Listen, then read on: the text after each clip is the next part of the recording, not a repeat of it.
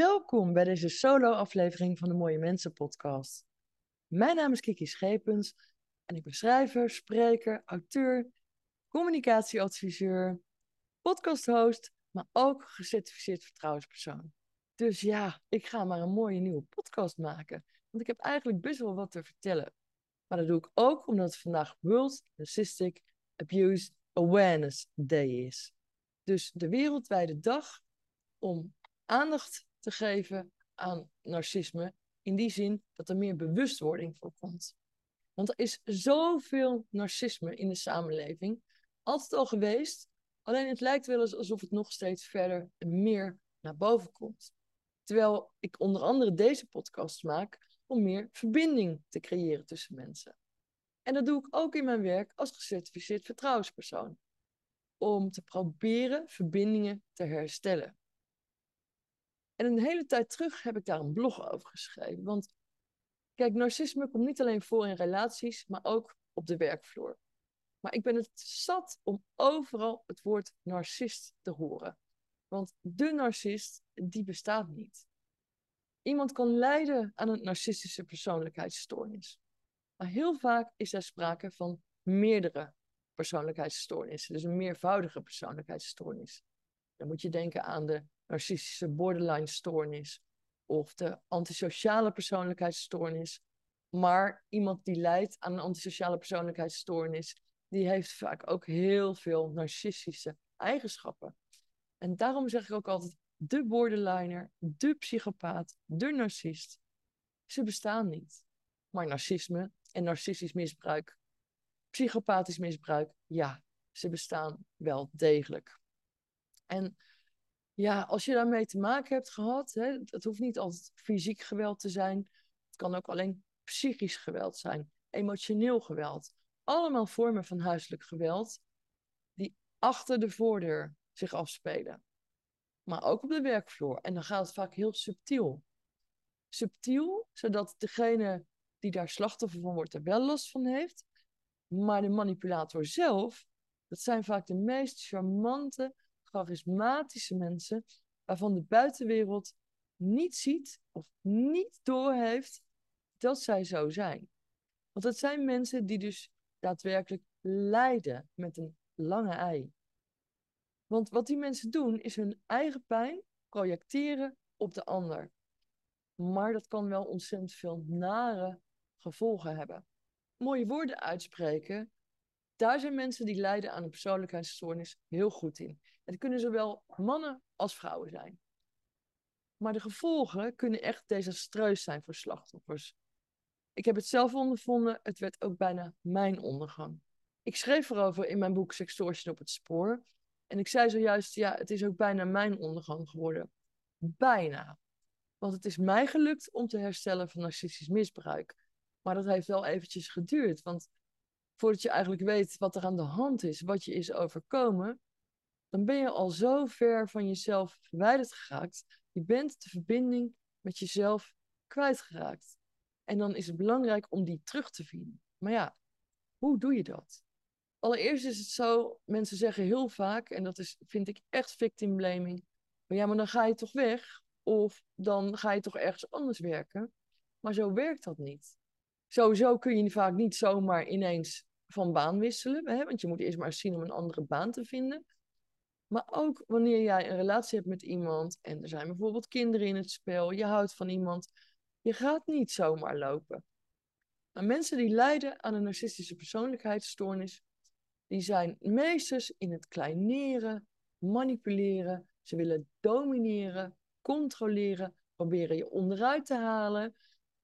En ja, ze durven zelfs het aan om bewust twijfel te zaaien en iemand in verwarring te brengen. Dat noemen ze gaslighting. Liegen en bedriegen, mensen zwart maken achter hun rug om, dat is echt een koud kunstje voor iemand die lijdt aan zo'n stoornis. En vaak voel je wel aan dat er iets niet klopt, maar dan word je zo overrompeld door, door het charisma van de ander en de snelheid ook hè, waarmee ze handelen dat je eigenlijk voordat je realiseert wat er aan de hand is, dat je alweer doorgaat. Of je wuift het weg. Of je denkt van, het zal wel aan mij liggen. totdat je erachter komt wat er daadwerkelijk gebeurt. Je moet je voorstellen hè, dat zo'n proces van gaslighting, het gaat heel geleidelijk. Het is als een soort spin die dunne draden spant om slachtoffer vervolgens gif in te spuiten en zijn slachtoffer te verlammen. En je voelt je echt uit het veld geslagen en verdoofd. Nou, zoals ik me heb gevoeld, dat is echt alsof elke cel in mijn lijf vernietigd was. En eerst was ik zo verward dat ik me bijna niet voor kon stellen dat dat mij was overkomen. En vervolgens ga je je afvragen, is het me wel overkomen? Of ben ik nou gek? Nou, wat ik heb gedaan, ik ben op onderzoek uitgegaan. Een grondig onderzoek waarbij ik me ook heb laten bijstaan door deskundigen. Want sommige dingen kun je gewoon niet alleen. En daarom is het ook zo goed dat de vertrouwenspersoon er is en dat die steeds meer gevraagd wordt. Waarbij ik op moet merken dat niet alle bedrijven weten wat een vertrouwenspersoon precies doet. Nou, in dat geval zou ik zeggen, kijk ook even mijn podcast nummer 38 terug. Want die is nog opgenomen toen in de week van de integriteit in december. Want er gaat heel veel mis op de werkvloer. En dat heeft juist vaak te maken met die toxische mensen. Maar waar het ook misgaat, is dat, dat hoorde ik onlangs ook weer, iemand had een probleem op zijn werk. Die maakte met mij een afspraak, maar die durfde niet naar de vertrouwenspersoon op het eigen werk. Ik zeg, hoe komt dat, dat jij dat niet durft? Ik zei, welkom. Dus ik heb eerst uitgelegd wat de vertrouwenspersoon precies doet. En vervolgens vroeg ik, wat kan ik voor je betekenen? Nou, zei ze, ik zit met een probleem op mijn werk. En we hebben wel een vertrouwenspersoon, maar, en nou komt die, dat is de vrouw van de baas. Als de vrouw van de baas haar papieren heeft, gecertificeerd vertrouwenspersoon is, aangesloten is bij een vakvereniging, net zoals ik bij de Landelijke Vereniging van Vertrouwenspersonen, dan zou het in principe geen probleem moeten zijn. Maar ook al zou de vrouw van de baas haar papieren hebben, dan nog zou het vermoeden kunnen reizen dat er sprake is van belangenverstrengelingen. Dus als je nou een bedrijf hebt en jouw vrouw is vertrouwenspersoon en ze is gecertificeerd, denk daar dan nog eens eventjes over na. En als ze niet gecertificeerd is, dan zou ik het aan willen raden om toch eventjes achter je oren te krabben. Dus wat ik eigenlijk tegen alle ondernemers, bedrijven en organisaties zou willen zeggen, stel echt een onafhankelijk vertrouwenspersoon aan. Liefst niet iemand van HR. Hoe betrouwbaar die persoon misschien ook is, maar mensen durven de drempel gewoon niet over. En dat gold ook voor die mevrouw die bij mij kwam. En wat ik als vertrouwenspersoon kan doen, is luisteren, samenvatten, passende oplossingen voorleggen. En dan is het uiteindelijk aan de melder zelf wat hij of zij daarmee doet. Maar weet dat dat soort dingen toch gebeuren achter de schermen. En dan kun je denken dat je het allemaal goed geregeld hebt met een vertrouwenspersoon. Maar dat is lang niet altijd zo. En daar moet nog veel meer bekendheid over komen. En even terugkomend op dat web, hè, waar ik het er straks over had. Want het is zo in en in triest. Maar zie maar eens uit dat web te komen. Want de schaamte, de angst en het besef dat je jarenlang dacht dat er sprake was van liefde. Of dat je dacht dat je een aardige collega of een toffe werkgever had. En je komt er dan achter dat de vork eigenlijk heel anders in de stil zit. Ja, dat is heel pijnlijk. En het is honderd keer makkelijker om iemand te misleiden dan je te beseffen, te realiseren en in te voelen dat iemand is misleid. Maar ik weet inmiddels hoe dat komt, want iemand die lijdt aan een persoonlijkheidsstoornis, daarbij ontbreekt het aan empathisch vermogen. Of het is heel, heel, heel, heel klein.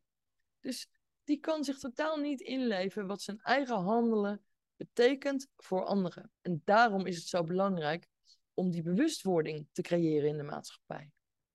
En dan zou je denken, ja, maar zulke mensen hebben toch ook gevoel? Nou, wat het is, ze kunnen heel goed dingen veinzen. En ze kunnen ook daadwerkelijk geraakt worden door dingen of verdrietig zijn om dingen. Maar dan zijn het altijd alleen maar dingen die hen zelf betreffen. Niet wanneer het iemand anders betreft. En dat is verdrietig. Dan ben je eigenlijk heel arm. En als je het zelf nog niet eens kunt bevatten, hoe kunnen mensen in je omgeving het dan snappen? Want je wordt vaak niet geloofd. En daarom is het goed dat als je op je werk te maken hebt met zo'n manipulator, of iemand die jouw grenzen overschrijdt, hè, die, die jouw integriteit aantast, ga gewoon een gesprek aan met de vertrouwenspersoon. Het is niet voor niets een vertrouwenspersoon. Zolang je geen strafbare feiten meldt, kun je in principe over alles in gesprek. En daarom is het goed dat er vertrouwenspersonen zijn die jij 100% kunt vertrouwen en waar je bij naar binnen kunt stappen. Het kan zomaar een eerste stap zijn, een begin naar een verandering voor jezelf. En uiteindelijk ook in je privésituatie en op het werk. Want ik merk ook dat er te vaak weggekeken wordt door de omgeving. En wegkijken is makkelijk, hè? Als je de andere kant op kijkt, nou, dan is het jouw probleem niet meer. Maar daarom is juist die bewustwording van de problematiek zo belangrijk. Maar wat het ook weer zo complex maakt, is dat degenen die lijden aan een persoonlijkheidsstoornis vaak de rollen om zullen draaien. En zullen zeggen dat jij degene bent die lijdt aan borderline of dat jij een narcist bent. En ze kunnen dat met zoveel overtuiging brengen dat andere mensen die persoon gaan geloven. Waardoor je dus in ontzettend isolement terecht kunt komen en je ontzettend eenzaam kunt voelen. Dat gun je niemand. Dus wees niet bang. Ga naar de vertrouwenspersoon. En als je denkt van nou op mijn werk voel ik me niet prettig om naar de vertrouwenspersoon te gaan. Je kunt ook altijd met mij een afspraak maken om een keertje te sparren. En ik kan dingen niet voor jou oplossen, maar ik kan je wel helpen om oplossingen aan te dragen. Daarom is het ook zo belangrijk om oordeelvrij te blijven.